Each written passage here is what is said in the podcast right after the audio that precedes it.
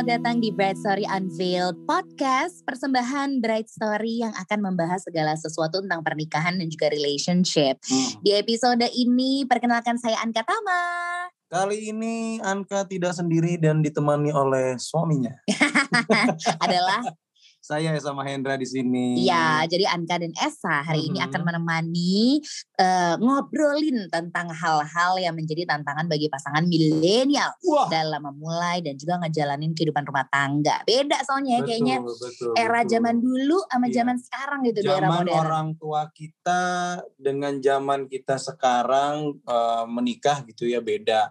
Mulai jangankan dari ngomongin ketika lagi running em, berumah tangganya gitu ya. Banyak hal yang tentunya berbeda gitu. Dan ini em, menjadi apa ya challenge buat yang dihadapi oleh pasangan suami istri zaman sekarang nih zaman now Bib. Yui, gitu. Dan betul. berbeda pastinya berbeda dengan orang tua kita gitu ya. Mm-mm, apalagi nenek kakek kita nggak usah ditanya ya. Nggak usah ditanya. Dan pasangan masa kini tuh biasanya memiliki peran yang lebih berbaur, Iya. Betul. harus fleksibel. Misalnya suami ini seperti em, saya contohnya. Ini lebih banyak waktu di rumah.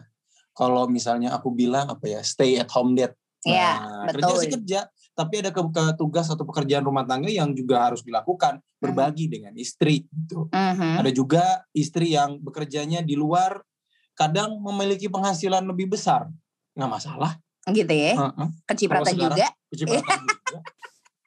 Jadi eh, apa ya dinamika ini tuh menurut kami juga punya tantangan tersendiri gitu. Hmm. Makanya kita bakal ngobrol langsung nih Bab sama Mbak Hmm. Sylvia Basuki, Wow. in-house practitioner dari The Golden Space yang juga adalah relationship class Mhm, anchor. mhm. Di mana kita akan ngebahas lebih lanjut soal eh, ini semua yang tadi kita obrolin gitu dan kita bakal cari tahu juga apa sih eh, tipsnya dan juga eh, upaya gitu agar pernikahan milenial juga bisa awet kok dan langgeng nggak yang kayak cuman dua tahun udah gitu soalnya banyak kan di sekitar kita yang kayak gitu Benar, kan benar. Sekarang sudah tersambung bersama kita Mbak Sylvia. Halo Mbak Sylvia. Hai Mbak Sylvia Halo, halo Mbak Angka, halo Mas Esa.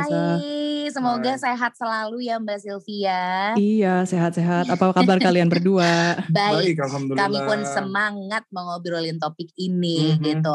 Ini karena aduh ini waktunya singkat tapi kita mau nanya banyak gitu ya Mbak Iya. Sylvia. Ini kita lanjut nanya aja langsung boleh ya? Boleh dong. Baiklah.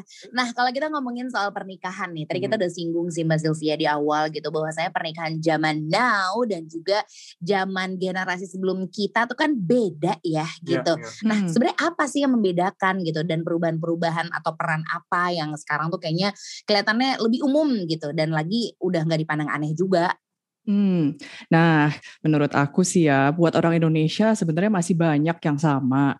Kita kan semuanya mau nikah di eh, zaman now ataupun sebelumnya harus cek bibit, bebet, bobot. Yang paling penting ya. Hmm. Nah, Betul. terus eh, harus harus nikah dan juga punya anak, ya kan, membangun keluarga sendiri. Itu konsepnya sebenarnya sama. Cum, eh, mungkin aku bisa kasih perbedaan antara kalau misalnya yang zaman mama papa kita dengan yang kita sekarang ini, udah pasti kalau zaman dulu, ya kan, banyak sekali mama-mama kita ya, mungkin hanya punya single boyfriend, ya kan, dan juga Mhm. mereka itu banyak kali langsung komit ya untuk pernikahan dan Iya. tidak menanyakan terlalu banyak, hanya mengikuti uh, society rules and regulations gitu. Mhm. Nah, yang membuat beda kalau misalnya dengan zaman milenial zaman sekarang adalah mungkin yang masih muda eh, dianjurkan untuk menikah sebelum umur 30. Padahal Mhm. kalau zaman dulu itu kan umur 30 sudah ya lumayan lah ya gitu. Tapi Udah sekarang terus tuh.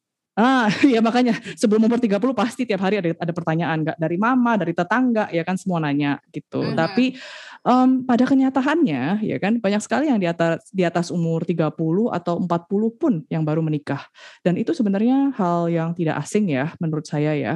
Eh, punya anak pun ya kan zaman dulu mungkin dianjurkan tambah banyak anak, tambah banyak rezeki. Tapi kalau zaman sekarang rata-rata wah punya tiga anak aja udah lumayan jarang kita lihat ya. Kebanyakan maksimum dua gitu kan.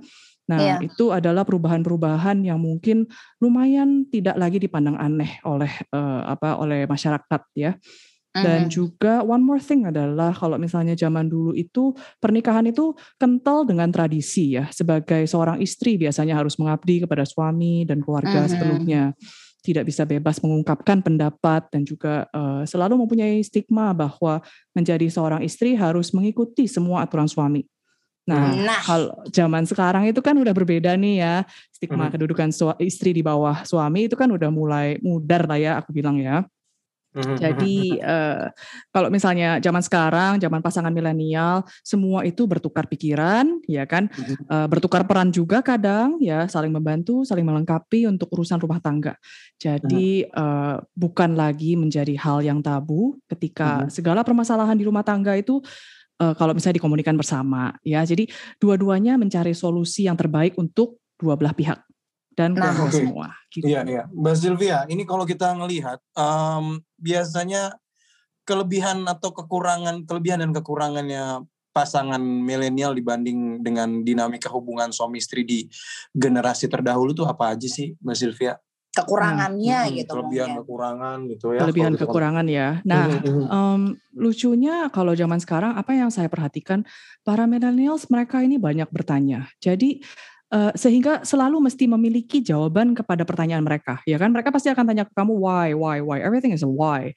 Mhm. Tapi pastinya dari segala sisi ada bagus dan yang ada ada ada yang patut kita eh, pelajari ya. Jadi Mhm. dari generasi yang terdahulu, ya kan, dan yang lain-lain. Kita hanya ambil esensinya lah sekarang ya. Yang paling cocok buat diri kita sendiri itu apa sih sebenarnya? Kalau misalnya hubungan suami istri eh, generasi zaman dulu, eh, pastinya banyak yang terpaku dengan peraturan-peraturan yang sudah ada. Misalnya eh, sebagai suami ya kan harus mencari nafkah dan menjadi kepala keluarga. Sebagai istri harus menjadi ibu rumah tangga yang baik dan belum tentu harus diharuskan kerja dan menghasilkan. Dan yang Mhm. penting jaga anak dengan baik, ya kan? Tapi Betul. eh, kebanyakan semuanya ini sungkanan ya. Mereka Mm-mm. mereka mereka ini semua sungkan, nggak berani mengekspresikan isi hatinya dan generally memang kita diajar sebagai eh, conflict avoider gitu. Iya. Jadi iya. eh, secara tidak langsung eh, konsep yang ini konsep ini tuh memberikan beban apa ya unifor- uniformity. Jadi kita semua itu harus uniform, ya kan kayak Mhm, mhm. Heeh, harus sama semua gitu kan. Padahal eh, sebenar-benarnya mungkin kalau kita lihat lagi secara lebih detail, suami itu belum tentu ekspertisnya untuk mencari nafkah misalnya. Mhm, mhm. Atau sebagai istri pun belum tentu mereka suka di rumah atau menjaga anak gitu kan. Mhm. Tapi mereka itu dididik eh, eh, untuk mengikuti peraturan dan mungkin hampir tidak pernah eh, mendengarkan isi hatinya sebenarnya maunya apa sih gitu. Nah, ini nih akhirnya kan eh, maksudnya ya makin ke sini gitu ya. Kayak misalnya aku sama Esa gitu Mbak Sylvia itu tuh Hmm. menjadi si pasangan masa kini yang punya aktivitas dan juga punya kesibukan masing-masing Hmm, hmm, gitu. Cuman kalau untuk eh, kami sendiri juga kadang bingung kesibukan dan aktivitas kita tuh kadang bikin kita juga saling bentrok gitu. Nah, gimana tuh caranya biar kehidupan rumah tangga tuh lebih harmonis gitu, bondingnya juga tetap terjaga. Nah, itu sebenarnya tergantung lagi kepada pasangan tersebut. Pastinya yang aku uh, uh, bisa sarankan adalah uh, pasangan setiap pasangan harus meluangkan waktu ya itu Oke. adalah namanya komitmen cie buatlah ya kan rutin tiap minggu. Jadi kalian tuh punya ritme sendiri. Dan itu Mhm. adalah misalnya date night kalian ya kan? Date night atau sebagai ataupun yang apa yang biasa kita uh, kita orang ngomongin itu adalah namanya me time. Ya me time itu Mhm, harus ya kan? Mhm. dan kalau sampai susah banget, tolong dicantumkan di dalam kalender masing-masing supaya tidak Hmm. lupa, ya kan? Kalau misalnya kita meeting aja kayak sekarang meeting kita ingat ya kan jam 12.30 meeting, ya kan? Mhm. Nah, kita juga bisa memperlakukan itu kepada pasangan kita supaya kita nggak lupa gitu. Ah, Jadi kita harus laksanakan ya. nih meetingnya gitu. Time Nah, ya. Iya, time management dong, Cia. Jadi eh, apa? Jangan lupa ya, betapa stresnya kita semua ini dengan kerjaan-kerjaan kita. Kalau kita bisa berkomitmen untuk date night ataupun juga dengan me time, kadang kita juga perlu waktu untuk diri sendiri kan, itu Ya. pasti akan membantu kita untuk bisa merilis stres dan juga bisa lebih rileks. Dan intinya kita bisa isi bensin sendirilah gitu. Iya, iya. Eh, Mbak Sylvia, kita kan kondisi em, pasangan milenial ini kan em, sekarang kalau kalau yang aku lihat ya, ini kan lebih ngelihatnya sebagai partner yang em, berdiri sama tinggi, duduk sama rendah, equal lah kalau bisa kita bilang begitu ya. Dan em, menurut Mbak Sylvia sendiri, definisi partner yang equal atau sejajar itu bagaimana sih? Karena kan kalau di aku ya, walaupun misalnya nih aku menganggap oke kita sama-sama equal gitu ya, kita sejajar. Tapi di rumah tangga itu kan nggak bisa ada yang namanya dua komando dalam satu bahtera rumah tangga gitu. Pasti akan ada satu yang ngelit. Bagaimana membagi proporsi ketika kese- kesetaraan itu, kesejajaran itu ada dan bagaimana posisi ketika kita memang oke sekarang waktunya gue sebagai suami gitu ya, aku sebagai suami untuk lebih ngelit nih gitu. Hmm, oke. Okay. Sebenarnya uh, apa ya uh, kita kalau misalnya mempunyai uh, uh, mindset yang equal ya, equal adalah mm -hmm. equal mindset, equal status dan juga equal there's no judgment, tidak menghakimi mm -hmm. kan? Karena mm -hmm. suami istri itu kan adalah partner. Dan menurut aku partner itu kan sejajar, nggak ada yang di atas dan nggak ada yang di bawah. Seperti kalau mm -hmm. kita di perusahaan kayak bos dan karyawan ya. Jadi yeah. uh, equal itu lebih ke arah pola pemikiran yang sama dan solusi yang disetujui bersama tanpa ada perasaan yang mungkin lebih di atas atau di rendah ya atau yang lebih rendah ya kan jadi uh, mungkin buat saya apa pun problem di rumah tangga itu pasti hmm. bisa diajak ngobrol ya kan namanya juga sudah misalnya sudah hubungan married ya kan sudah marriage ya kan jadi hmm. pasangan hidup apalagi in a marriage is a sacred union ya jadi hmm. uh, apa pun yang kita bisa uh, uh, diskusikan dengan partner kita itu adalah uh, sesuatu yang lumrah-lumrah aja dan kita memang kalau mendiskusikan, mendiskusikan itu harus secara jujur ya. Maksudnya kadang itu kita sometimes kita sebagai istri atau mungkin sebagai suami, sometimes we feel uh, a bit uh, mungkin merasa bersalah ataupun shame ya, malu mm -hmm. gitu kan kayak eh masa gini aja gue nggak bisa sih. Uh, yeah. Ya jadi mungkin apa pun itu karena kalian ini sudah menjadi pasangan ya sebaiknya didiskusikan aja uh, yang yang mungkin yang masih uh, membuat hati ganjel ya. Jadi supaya kalian berdua itu bisa plong ya kan. Nah, hmm. dengan mindset untuk mencari solusi bareng-bareng gitu. Oke. Okay.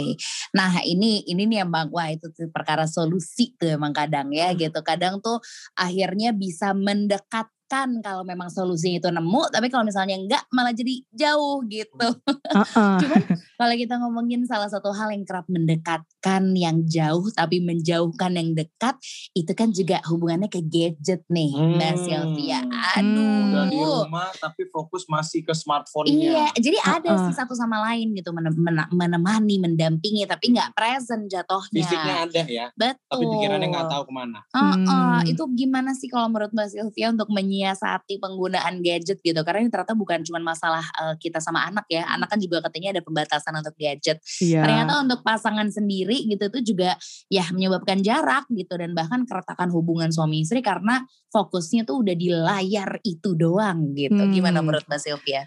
Balik-balik lagi ya, apalagi udah jadi pasangan, kita harus berkomitmen, ya kan? Komitmen bukan hanya terhadap uh, pasangan aja, ya kan? Tapi komitmen juga untuk uh, bisa untuk memaintain relationship ini dong, ya kan? Jadi mungkin gadget atau sosmed atau apa pun yang di digital world ini pastinya uh, ya kita kalau udah mulai main handphone ya kan gampang banget lah terserap di dunia itu. Hmm. Tapi kalau misalnya kita bisa komitmen untuk set waktu, misalnya jam berapa aja yang mungkin kita tidak menyentuh HP sama sekali. Misalnya pagi hari, masa menyentuh HP dulu ya kan? Mestinya uh-huh. oh, cek dong sebelah istri atau misalnya cek suami juga dong ya kan? Nah, uh-huh. atau hmm. misalnya during dinner time atau setelah jam 9 malam, terserah itu kan uh, apa uh, tergantung suami istri mau uh, ininya seperti apa ya uh, janjinya seperti apa ya. Dan kalau sampai perlu ditulislah ya kan. Ini adalah rules and regulations di rumah tangga ini gitu. Mm -hmm. Karena kita ini semua harus menyamakan persepsi dan mm -hmm. harus dikomunikasikan secara jujur lah intinya dan terbuka apa adanya. Jadi nggak saling tebak-tebakan ya. Mm -hmm. Nah, jadi uh, apa ini ini hmm, berbareng again ini berbarengan ya mencari solusi ya terhadap life balance kalian berdua. Jadi -huh. makanya eh, nggak uh, ada uh, jawaban yang fix tapi itu adalah melainkan komitmen uh, antara kalian berdua bagaimana nih kita mau tackle ya kan hmm. uh, gadget ini gitu loh ya jadi uh, itu sih mungkin uh, saran sedikit dari saya. Uh -uh.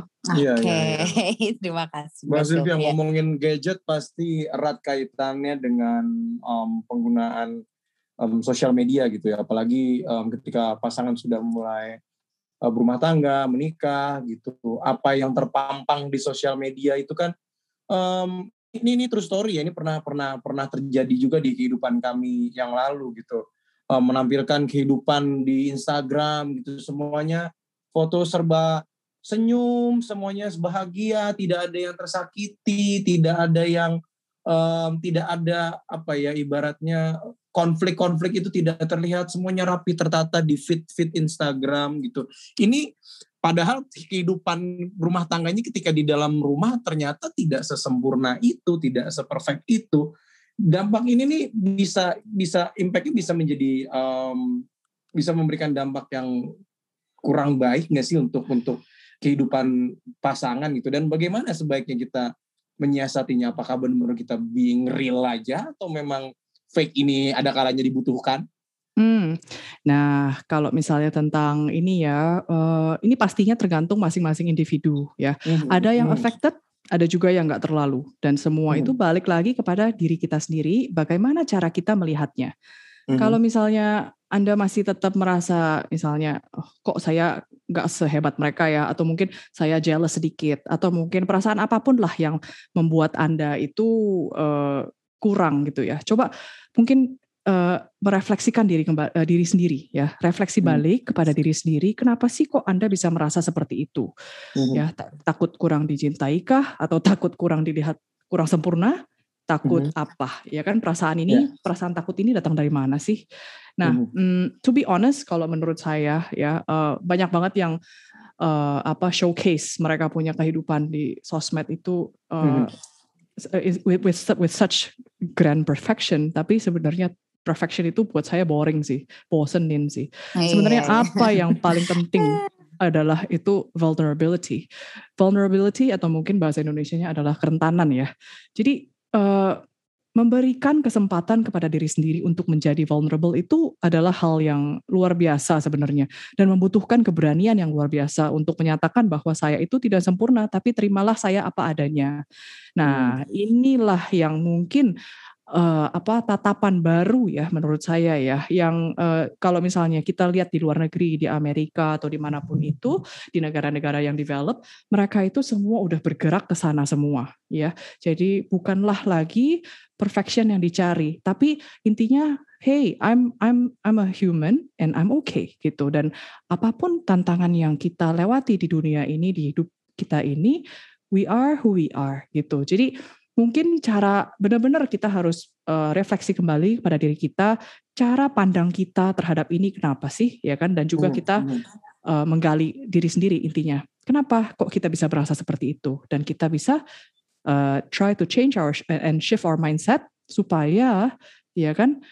Uh, kita bisa tambah autentik di hidup kita luar dan dalam ya dan mm -hmm. itu pun hmm. kalau kita bisa menjadi seperti itu kita akan menjadi lebih orang yang lebih menarik ya dibandingin hanya yang memberikan tampang kesempurnaan eh, kesempurnaan gitu. Iya benar. Jadi sebenarnya nggak apa-apa. Maksudnya menampilkan keindahan tuh nggak apa-apa. Gak tapi apa-apa. coba sah-sah aja ya. Sah-sah aja gitu. Cuman mungkin bisa lebih organiknya tuh iya. juga dikeluarkan Realnya. gitu. Realnya iya. juga karena sebenarnya kan sebenarnya tujuan setiap manusia tuh ya kita memang punya sisi baik dan buruk dan nggak apa-apa kok kalau ditampilkan sekali-kali asalkan juga nggak keseringan curhat histori gitu jangan bener. juga.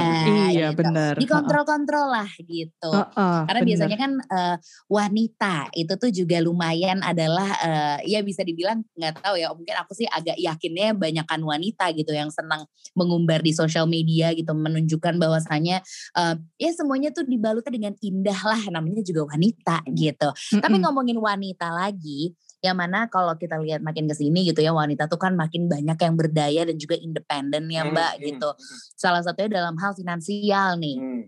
Kalau penghasilan istri lebih besar dari suami, apakah itu berpengaruh sama dinamika rumah tangga gitu? Karena kan main saya kalau di di kehidupan rumah tangga terutama masyarakat di Indonesia mm -hmm. kan yang di mana suami itu udah pasti mindsetnya atau stereotipnya adalah yang nyari uang, yang nyari nafkah, supposed mm. to be memang harus dari sisi penghasilan pun harus lebih tinggi dari istri. Ini kan ada ada ada juga paradigma atau stereotip seperti itu juga kan. Apakah ini juga berpengaruh kah dengan mindset um, pasangan? Hmm. Nah, uh, sebenarnya menurut saya sudah banyak sekali di dunia zaman now sekarang ini bahwa istri itu kan sebenarnya sebagai orang yang udah independen, bisa menghasilkan, jaga rumah tangga, jaga anak, yang dan yang lain-lain sebagai multitasker. Dan hmm. sebenarnya sebagai suami ya kan Anda mempunyai uh, free will atau mungkin uh, istilahnya kebebasan untuk memilih bagaimana Anda mau memandang situasi ini ya. Ada yang affected, ada yang tidak, ada yang terintimidasi, ada juga mungkin kadang mereka feel smaller ya kan. Uh, hmm. uh, mungkin suami kurang pede, tapi juga ada yang proud of their partners. Jadi bangga ya. Jadi kalau misalnya saya sebagai suami ya saya bangga loh mempunyai istri yang bisa menghasilkan sendiri ya kan nambah rezeki. Iya. Kalau mau kan belanja kan, jadi nggak ngerepotin. Oh, oh bener bener rezeki kan bisa datang dari mana aja dan kalau iya, kita iya. bisa bersyukur ya kan untuk extra income ini ya kan ya maksudnya ya lumayan dong gitu ya kan ngapain nolak rezeki dan apalagi mm -hmm. kalau istri bisa menghasilkan lebih gitu kan. Iya. Uh, uh, gitu.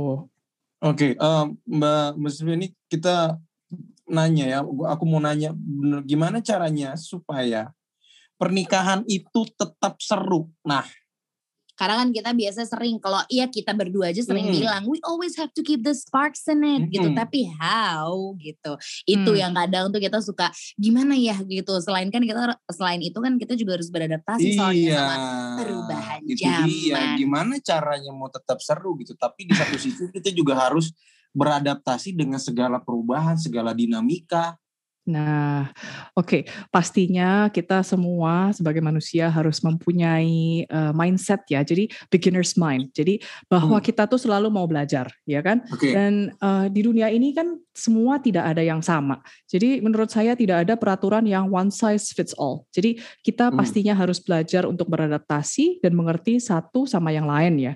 Dan hmm. uh, harus mulai untuk mengikuti kata hatiku atau hatimu lah intinya ya. Mm-hmm. Jadi kita tuh saking keseringan mendengarkan peraturan dan omongan orang lain ya kan yang akhirnya sampai membuat kita down sendiri. Yang mm. sebenarnya yang paling penting adalah uh, kita itu sudah sudah mengerti dan mengetahui bahwa kita melakukan yang terbaik uh, untuk keluarga ini ya kan. Mm-hmm. Uh, dan juga mungkin jangan merasa bersalah kepada uh, apa ekspektasi ekspektasi ya kan tidak sesuai dengan ekspektasi masyarakat ya kan mm-hmm. karena kita ini kan sebagai individu ini kan adalah unik ya kan dan mempunyai jalan hidup masing-masing yang berbeda dan mm-hmm. pastinya adalah yang paling penting komunikasi komunikasi itu bisa membuat pernikahan lebih langgeng, lebih seru, ya kan, terus-terusan, ya kan. Mm-hmm. Komunikasi mm-hmm. itu harus uh, secara jujur ya dan jangan ada yang diumpet-umpetin ya supaya tidak terjadi misunderstanding. Kalau misalnya hmm. kadang kita merasa malu, merasa bersalah, ini hmm. sebenarnya uh, apa ya? Tidak kalau misalnya kamu bisa lebih membuka diri terhadap uh, pasangan ya, hmm. itu pastinya uh, lebih lebih plong buat kamu sendiri juga ya. Hmm uh, kalau misalnya kamu bisa mencari koneksi ini terhadap suami balik atau istri balik ya kan itu adalah pasti uh, membuat kalian passionnya balik lagi gitu ya mm. nah, jadi yeah.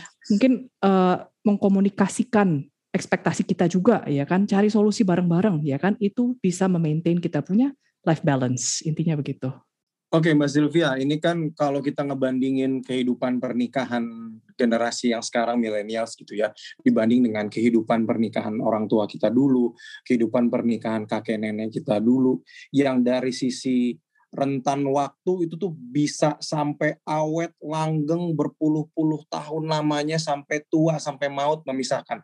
Tapi yang yang yang aku lihat di di sekarang di sekeliling aku gitu ya.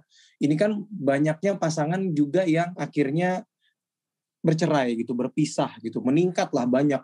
Baru nikah berapa tahun tiba-tiba kok udah pisah gitu. Apa ya penyebabnya sampai um, pernikahan ini bisa bisa segitu mudahnya yang darinya cinta-cinta bunga-bunga kok bisa-bisa tiba-tiba udah nggak ada cinta lagi, sudah berpisah sendiri-sendiri bagaimana bagaimana kita um, sebagai generasi milenial sebagai pasangan milenial ini bisa bisa tetap akur langgeng gitu pengennya seperti orang tua dan kakek nenek kita dulu gitu Mbak Sylvia. Hmm, oke. Okay. Thank you Mas Esha. Pertanyaannya wah lumayan dahsyat yang ini. Terus terang. Soalnya pengen banget kan sampai akhir hayat. Nah itu iya pengen dong. banget kayak gitu. Terus terang saya tidak bisa ngomong dari mata kakek dan nenek karena saya belum sampai sono statusnya. Iya.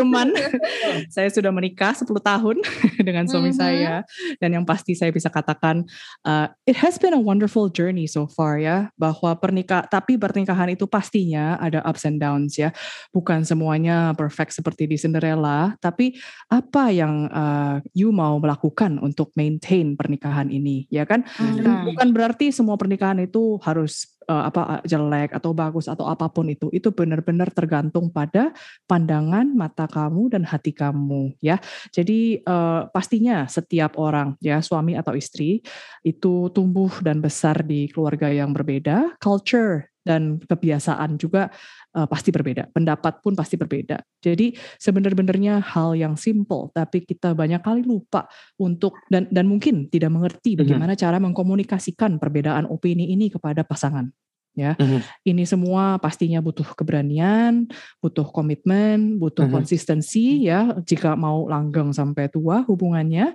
dan menurut saya yang paling penting adalah komunikasi ya. Um, pastinya kita harus mengkomunikasi isi hati kita. Kenapa saya selalu stress uh, isi hati ya? Isi hati kita itu yang paling benar jawabannya ya. Mm-hmm. Jawaban buat kamu itu kalau misalnya kamu bisa me- me- uh, mengekspresikan itu pasti uh, rasanya plong ya dan jadi uh, kita kalau pas lagi mengekspresikan isi hati kita jangan takut jangan sungkan ya bukan kita itu dengan mengutarakan isi hati itu bukan mencari masalah ya. Akan tetapi kalau kita tidak mengutarakannya itu yang akan menjadi internal konflik kita diri sendiri ya ini uh-huh. ini juga mungkin kita bisa uh, uh, bilang aplikasi self love ya. Orang-orang kan zaman now kan pada bilang oh self love ya kan? Self love yeah, sebenarnya yeah. apa sih? Salah satu aplikasinya adalah kalau karena kita bisa mencintai diri sendiri maka kita berani ya dan tidak maju mundur ya untuk mengutarakan dan mengambil action untuk apa pun yang masih ganjel di dalam hati kita ya. Supaya kita itu bisa merasakan hatinya plong dan hmm. um, mungkin sedikit advice dari saya buat teman-teman yang masih belum nikah, kalau memang mau nikah, uh, get married for the right reason, ya. Jangan menikah uh-huh. karena kita berasa kita sudah tua, atau mungkin karena oh ini pasangan pilihan orang tua, ya kan? Atau uh, mungkin uh, uh, apa pun itulah reasonnya, ya kan? Yang penting kita sudah benar-benar uh, mengerti isi hati kita sepenuhnya dan kalau misalnya memang sudah solid ya udah go ahead because setiap orang mempunyai journey masing-masing di hidup mereka itu ya. Jadi tidak pernah ada yang salah atau yang benar, jadi kita jalanin aja ya. Dan buat yang sudah married, advice saya adalah um, change always starts with you ya. Kita hmm. banyak kali berekspektasi bahwa pasangan atau orang terdekat kita harus berubah demi kita ya. Akan tetapi kita pribadi sebenarnya yang harus berubah dulu. Jadi perubahan yang kamu ingin lihat ya di hubungan Anda uh, itu have to start from you. Ya, be the change you wish to see in your iya. relationship gitu. Beautiful. Mari kita note ya, Bang. Mari, mari, mari. Oke, okay. tapi ketika um, kita, se, se, apa namanya pasangan ini mencoba untuk jujur gitu dengan pasangan gitu, misalnya contohnya aku mencoba jujur um, ke Anka gitu ya. Tapi apakah dengan kejujuran itu kan memang dari satu sisi dari sisi akunya mungkin akan lebih plong, tapi akan dicap egois nggak sih ke, ke dari dari sisi istri misalnya gitu ya kok hmm. lu jujur tapi kok ini malah menyakiti hati gua ya? Malah terkesannya kok lu egois sih? Kayak gitu. Nah ini um, sebaiknya harus seperti apa mbak Sylvia? Karena kalau ngomong jujur-jujuran ya pasti kan akan keluar semua tuh. Nah. udah gak ada filternya lagi tuh. Uh, uh, gimana? uh, uh. Nah, mungkin sebelum uh, sebelum berbicara kita harus uh, belajar juga untuk uh, ini uh, uh, apa namanya figure out sebenarnya kita tuh uh, lagi feeling apa sih ya kan emotionnya kejujuran hmm. adalah hal sesuatu yang pasti diapresiasi oleh pasangan ya dan uh, betapa uh, maksudnya sebenarnya alangkah indahnya ya kalau misalnya kita sebagai suami dan istri itu kita bisa benar-benar dengan tulus ya kan jujur dan mengungkapkan isi hati kita apa adanya. Kalau misalnya kita takut dicap egois atau dicap apa pun itu itu hanya adalah di pikiran kita. Tapi kalau dengan kita tidak melontarkan atau mungkin mengom, uh, mengkomunikasikan isi hati kita uh, kita itu actually we're we're we're instead of um, avoiding the conflict we're actually mm. creating an internal conflict within us gitu jadi mm. kita nggak mau kan kayak begitu kan jadi mendingan apa pun itu ya kan nggak usah marah-marah yang penting kita tahu berdua tahu berdua sudah mm. komitmen juga bahwa mm. semua itu pasti ada solusinya jadi kita itu uh, dua pasangan ya suami dan istri harus melihat uh, arahnya seperti itu. Bukan berarti suami curhat terus istri marah, tapi istri juga mesti bisa apresiasi ke suami bahwa oh hey, you know, thank you ya kan sudah bisa curhat kepada saya. Oke, okay, uh -huh. kita bagaimana nih ke depannya ya kan? Diapresiasi uh, juga ya, gitu ya. diapresiasi ya. karena itulah uh, acknowledgement dan appreciation lah yang mungkin penting buat kedua belah pihak. Kadang kita sebagai istri atau kita sebagai suami kita lupa ya kan terhadap uh -huh. acknowledgement ya kan hey uh, apa uh, uh, uh, uh, apa namanya uh, you did where you did very well misalnya ya yeah, kita lupa yeah. untuk ngomong seperti itu pada suami mm -hmm, juga yeah. ya kan kita lupa oh kita tuh sebenarnya ada uh, stages of life that we actually go through gitu mm -hmm. itu mm -hmm. yang kadang uh, apa saling menghargai itu yang kadang yeah. harus kita ingat-ingat lagi gitu ya iya benar aduh ayo baba semangat baba aduh ya ampun seru banget seru banget mbak Sylvia pembahasan kita kali ini gitu karena kami berdua as a partner itu juga butuh banget refreshment kayak gini dan yeah, senang yeah, banget yeah, datangnya yeah. dari Mbak Sylvia gitu hmm. untuk uh, brides to be yang mungkin uh, udah deg-degan duluan gitu sebelum sebelum event pernikahan kalian yeah, yeah. tenang semuanya tuh pasti ada jalannya tapi kalau kalian berdua juga mau mengupayakan gitu Bener. ternyata juga kita tahu kan akhirnya kalau setiap generasi itu punya tantangan yang masing-masing kok. Mm-hmm. Salah satunya dalam hal pernikahan ini iya, gitu. Yeah, yeah, yeah. Jadi semoga uh, sharing dan tips dari Mbak Sylvia tadi juga bisa ngebantu kita ya, Mbak. Ya, semoga bermanfaat ya buat juga yang uh-huh. sedang mendengarkan gitu ya. Terus um, ya bisa lebih apa ya, memperbaiki diri lagi gitu ya. Terus buat para calon pengantin yang juga sedang mempersiapkan diri untuk memasuki kehidupan rumah tangga tenang. Tenang. Tenang. Uh, ini tuh semacam permainan. Kayak yeah, yeah, tapi iya. nggak yeah. usah ada yang menang ada yang kalah ya. Cuman yeah. gimana caranya bisa naik ke level yang berikutnya, berikutnya dan iya, berikutnya. Yeah, memperbaiki kekurangan itu Betul. masih bisa dilakukan kok during the process dari pernikahan ya. Setuju gitu. Mbak thank you banget ya Mbak untuk thank waktunya you juga. ya. Mbak Angka. Happy iya. banget happy banget sama bisa Mas ngobrol Esha. sama Mbak Sylvia. Iya. betul. Semoga uh, Mbak Sylvia juga sehat terus bisa selalu uh, menemani mereka-mereka yang butuh ditemani ya Mbak. Iya thank you loh. Ya sehat-sehat ya Mbak Angka iya, Mas Esha. thank you Thank you banget sekali Thank lagi. You. Untuk brides juga jangan lupa untuk terus stay tune di mhm. Instagram mm -hmm. dan Spotify Bride Story untuk nonton dan juga dengerin Bride Story Unveiled the podcast dengan pembahasan seru dan menarik lainnya seputar pernikahan dan juga relationship. Akhir kata, saya Anka Tama. Saya Esa. Pamit undur diri. Sampai, Sampai jumpa, jumpa di podcast, podcast berikutnya. berikutnya.